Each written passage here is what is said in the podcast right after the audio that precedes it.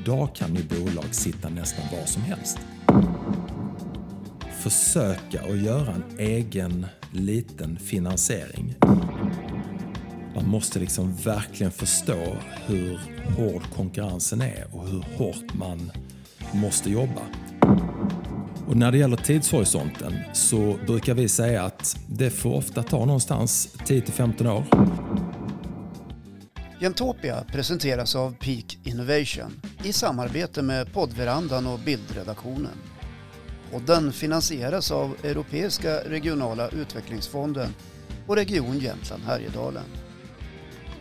Hej och varmt välkomna till dagens poddavsnitt där vi har en av Sveriges tyngsta riskkapitalister på besök. Välkommen Staffan Helgesson, partner på Creandum och även en flitig Jämtlandsbesökare. Och hej även till Håkan Lundqvist i studion. Hur mår du idag Håkan? Jag mår faktiskt eh, väldigt bra känner jag. Ja. Eh, jag kan inte ja. förklara varför men det pirrar skönt i kistan. Ja men det är bra, det är bra. Vi har fredag idag när vi spelar in det här avsnittet och jag har faktiskt lite fredagsfeeling även om det är tidigt på morgonen än så länge. Vi ska ju bland annat prata om kulturen just nu för startups och företagande. Vi ska prata om för och nackdelar med att etablera sig på en mindre ort kontra större orter och om eh, hur det ser ut i startupvärlden nu jämfört med för några år sedan. Eh, Creandum då, vilken typ av riskkapitalbolag är ni? Ja, men, eh, bra att du frågar, för man, jag tycker ofta att man drar alla riskkapitalbolag lite, av, eh, lite över en kam, framförallt i media. Men man har egentligen två stora olika typer. Det ena är ju det vi kallar buyoutbolag. De köper existerande, ofta rätt stora bolag. Man jobbar med finansiell strukturering, man eh, omorganiserar, sätter in ny ledning och, och köper andra bolag och så vidare. Sen har vi den andra delen som jag tillhör som är det som på engelska kallas för venture capital. Och det går ut på att man är minoritetsägare till skillnad från majoritetsägare. Eh, man investerar i bolag i väldigt tidig fas och sen försöker man vara med de här entreprenörerna egentligen under hela deras resa, antingen till en bolagsförsäljning eller en, en börsnotering. Uh, när ni investerar, har ni olika horisonter på när ni vill mm. se avkastningen eller hur tänker ni? Vi känner oss egentligen inte som en del av, av eh, liksom finansbranschen utan vi ser oss mer som liksom entreprenörer och, och operatörer. Och när det gäller tidshorisonten så brukar vi säga att det får ofta ta någonstans 10-15 år. Och jag tror personligen att man ska inte ha speciellt bråttom till exit utan man ska se till att bygga riktigt fina bolag och sen kommer vid rätt tillfälle antingen någon och vilja köpa det bolaget eller så kan man notera bolaget på en, en publik marknad. Vi har ju hållit på med det här ganska länge. Jag har själv varit investerare i över 20 år. Och då har vi sett och lärt oss att avkastningen blir faktiskt bättre ofta ju längre man väntar därför att det är en exponentiell värdetillväxt. Så att vi är absolut riskkapitalister men vi är inte kortsiktiga riskkapitalister. Och kanske också ska tillägga att många tror ju att, att vi inte är beredda att ta hög risk. Men jag skulle säga att det gör vi hela tiden. Men de flesta bolag har ju inte hög uppsida. Och vi letar efter kombinationen, eller vi letar efter hög uppsida. Och när den finns, då är vi också beredda att ta hög risk. Mm. Vad, vad, skulle du säga förenar bolagen då som ni väljer att satsa på? Vad är den gemensamma nämnaren? Men om, man, om man tittar på bolaget först och väntar lite med entreprenören så kan man säga att bolaget har ju nästan alltid en, en liksom ambition om att växa långt utanför landets gränser. Världsherravälde är ju ett, är ju ett väldigt stort ord, men de flesta bolag som vi backar, de vill ju bli någonting liksom utanför Europa. Gärna liksom bli nummer ett eller nummer två i sin globala marknad. Mm. Ja, det var bolagen då. Sen är det personkontakter och personkemi kan jag tänka mig också. Att ni tittar på själva entreprenören, hur han hon är. Ja men absolut. Och, och, eh, om man går in på, på det jag var inne med, vad man lär sig liksom över tiden, så, så kommer man gång på gång fram till att det handlar ju väldigt mycket om att liksom backa rätt individer. Och, och funderar man då på vad som liksom står ut bland de individerna som lyckas i slutändan så skulle jag säga att det är ju någon form av liksom så otroligt hög ambition. Mani kanske är är fel ord, men, men de är liksom otroligt ambitiösa och måna om att lyckas och är beredda att jobba väldigt hårt och offra väldigt mycket för att nå sitt mål. Vad är framgångsfaktorerna skulle du säga för er?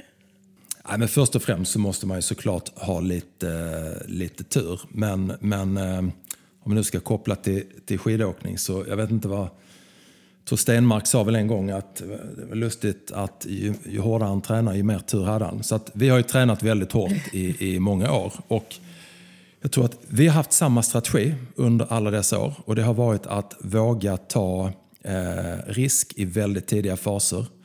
Eh, leta efter otroligt ambitiösa entreprenörer som inte bara vill göra någonting i Sverige utan vill göra någonting större.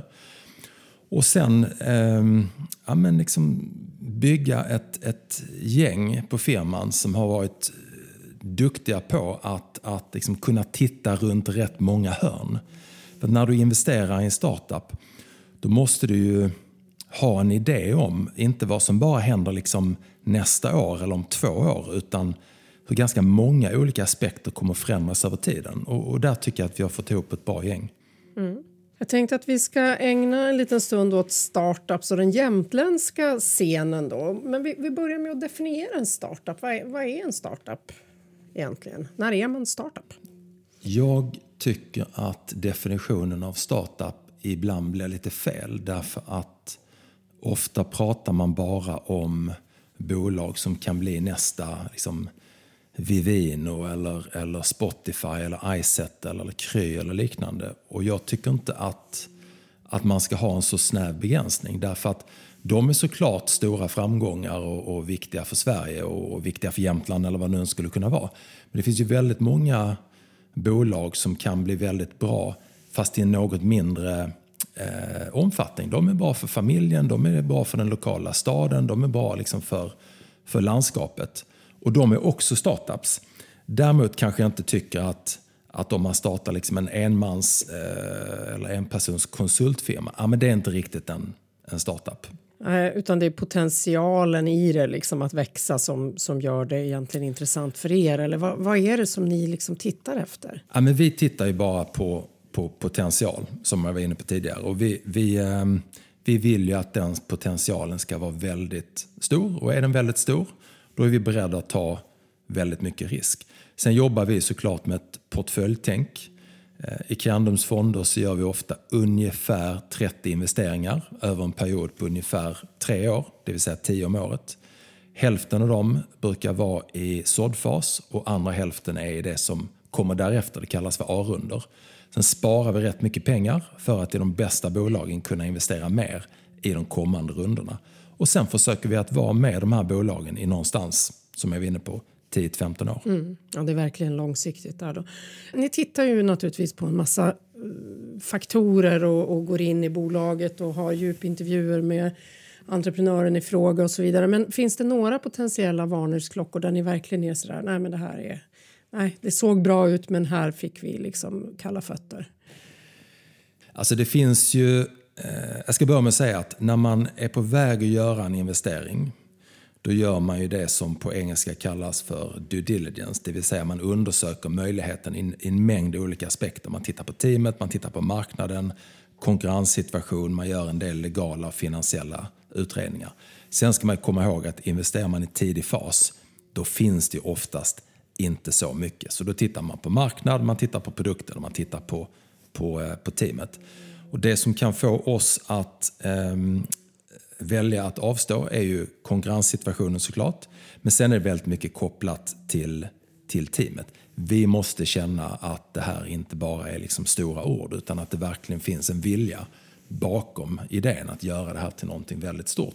Och sen ibland kan det finnas formella problem. Jag har till exempel varit med att upptäcka en, en, liksom en skatte, skattehistorik. Eh, att personer varit fällda för skattebrott. händer inte speciellt ofta, men det är en sak som gör att man drar sig ur.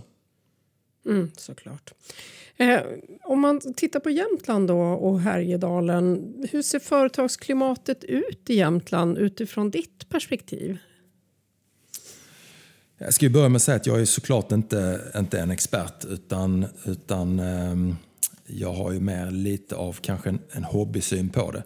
Men det jag känner under de år som jag ändå har spenderat mycket tid där uppe, det är ju att den dynamiken som finns, om man ska förenkla lite, mellan liksom Östersund och Åre i hela den dalen.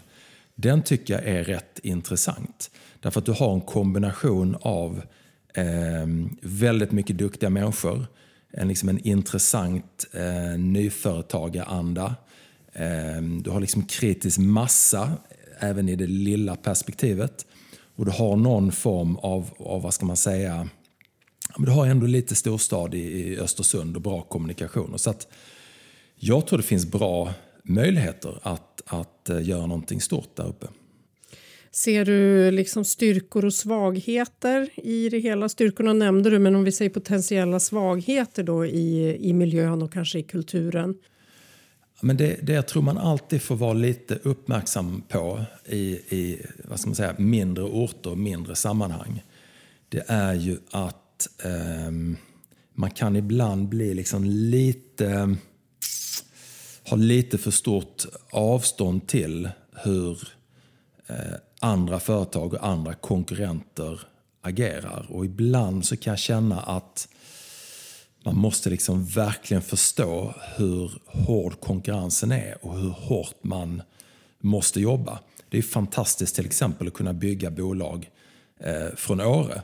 Men då måste man också inse vilken insats som krävs jobbmässigt och, och liksom ambitionsmässigt för att verkligen slå konkurrenterna som finns där ute. Om man har för avsikt att bygga till exempel ett globalt företag. Mm. Det går inte att åka skidor halva dagen kanske? Nej, det, det gör inte det. det. det. måste man inse. Uh, när du säger det här då, kan du ge några exempel på vad det exakt är som då krävs i form av förmågor eller, eller tech eller vad vi nu pratar om? Mm. Eh, ja, men om man börjar med ambitionen så, så eh, kommer ihåg en diskussion jag hade med, med Sebastian som är VD och grundare, en av grundarna av Klarna för, för rätt många år sedan. Och Candum är ju en investerare i Klarna. Jag kommer ihåg att han berättade att eh, han redan när de satt på Handels inkubator visste vilka företag som skulle lyckas och inte. Och, och, och då frågade jag honom, för jag tyckte det var lite konstigt, hur kunde du säga det redan då? Nej, men du vet, det var ju vi som satt kvar där på kvällarna och verkligen, verkligen jobbade hårt för att förverkliga våra idéer.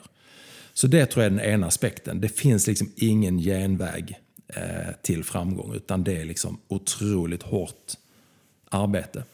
Sen när det gäller kompetens, där gäller det att inte nöja sig med att bara plocka den bästa kompetensen man har i sitt lokala nätverk.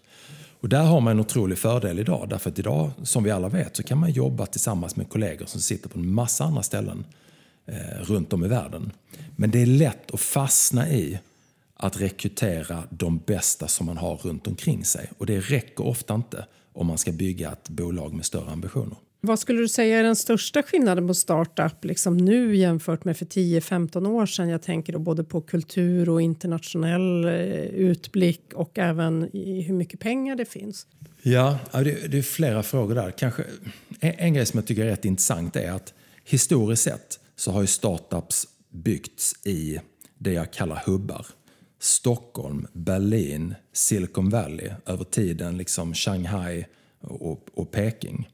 Så ser det inte riktigt ut idag. Och jag skulle nästan säga att vi har liksom två motverkande krafter. Den ena är att det fortfarande finns en nätverkseffekt av att sitta i de här hubbarna. Och varför det? Jo, därför att det finns kompetens, det finns andra man kan prata med, det finns närgång till kapital, det finns en massa tjänsteleverantörer som vet hur industrin fungerar och så vidare. Men den andra motverkande faktorn, vilket jag tycker är helt fantastiskt, är att idag kan ju bolag sitta nästan var som helst. Och det kan de göra dels för att talangen är liksom spridd över hela världen och sen finns det ju via internet en mängd olika liksom globala distributionsplattformar som gör att du kan sitta i långt ut i, i, i Tjotahejti och ändå lyckas att sprida din mjukvara. Det kan vara ett spel eller en mjukvara eller vad det nu är.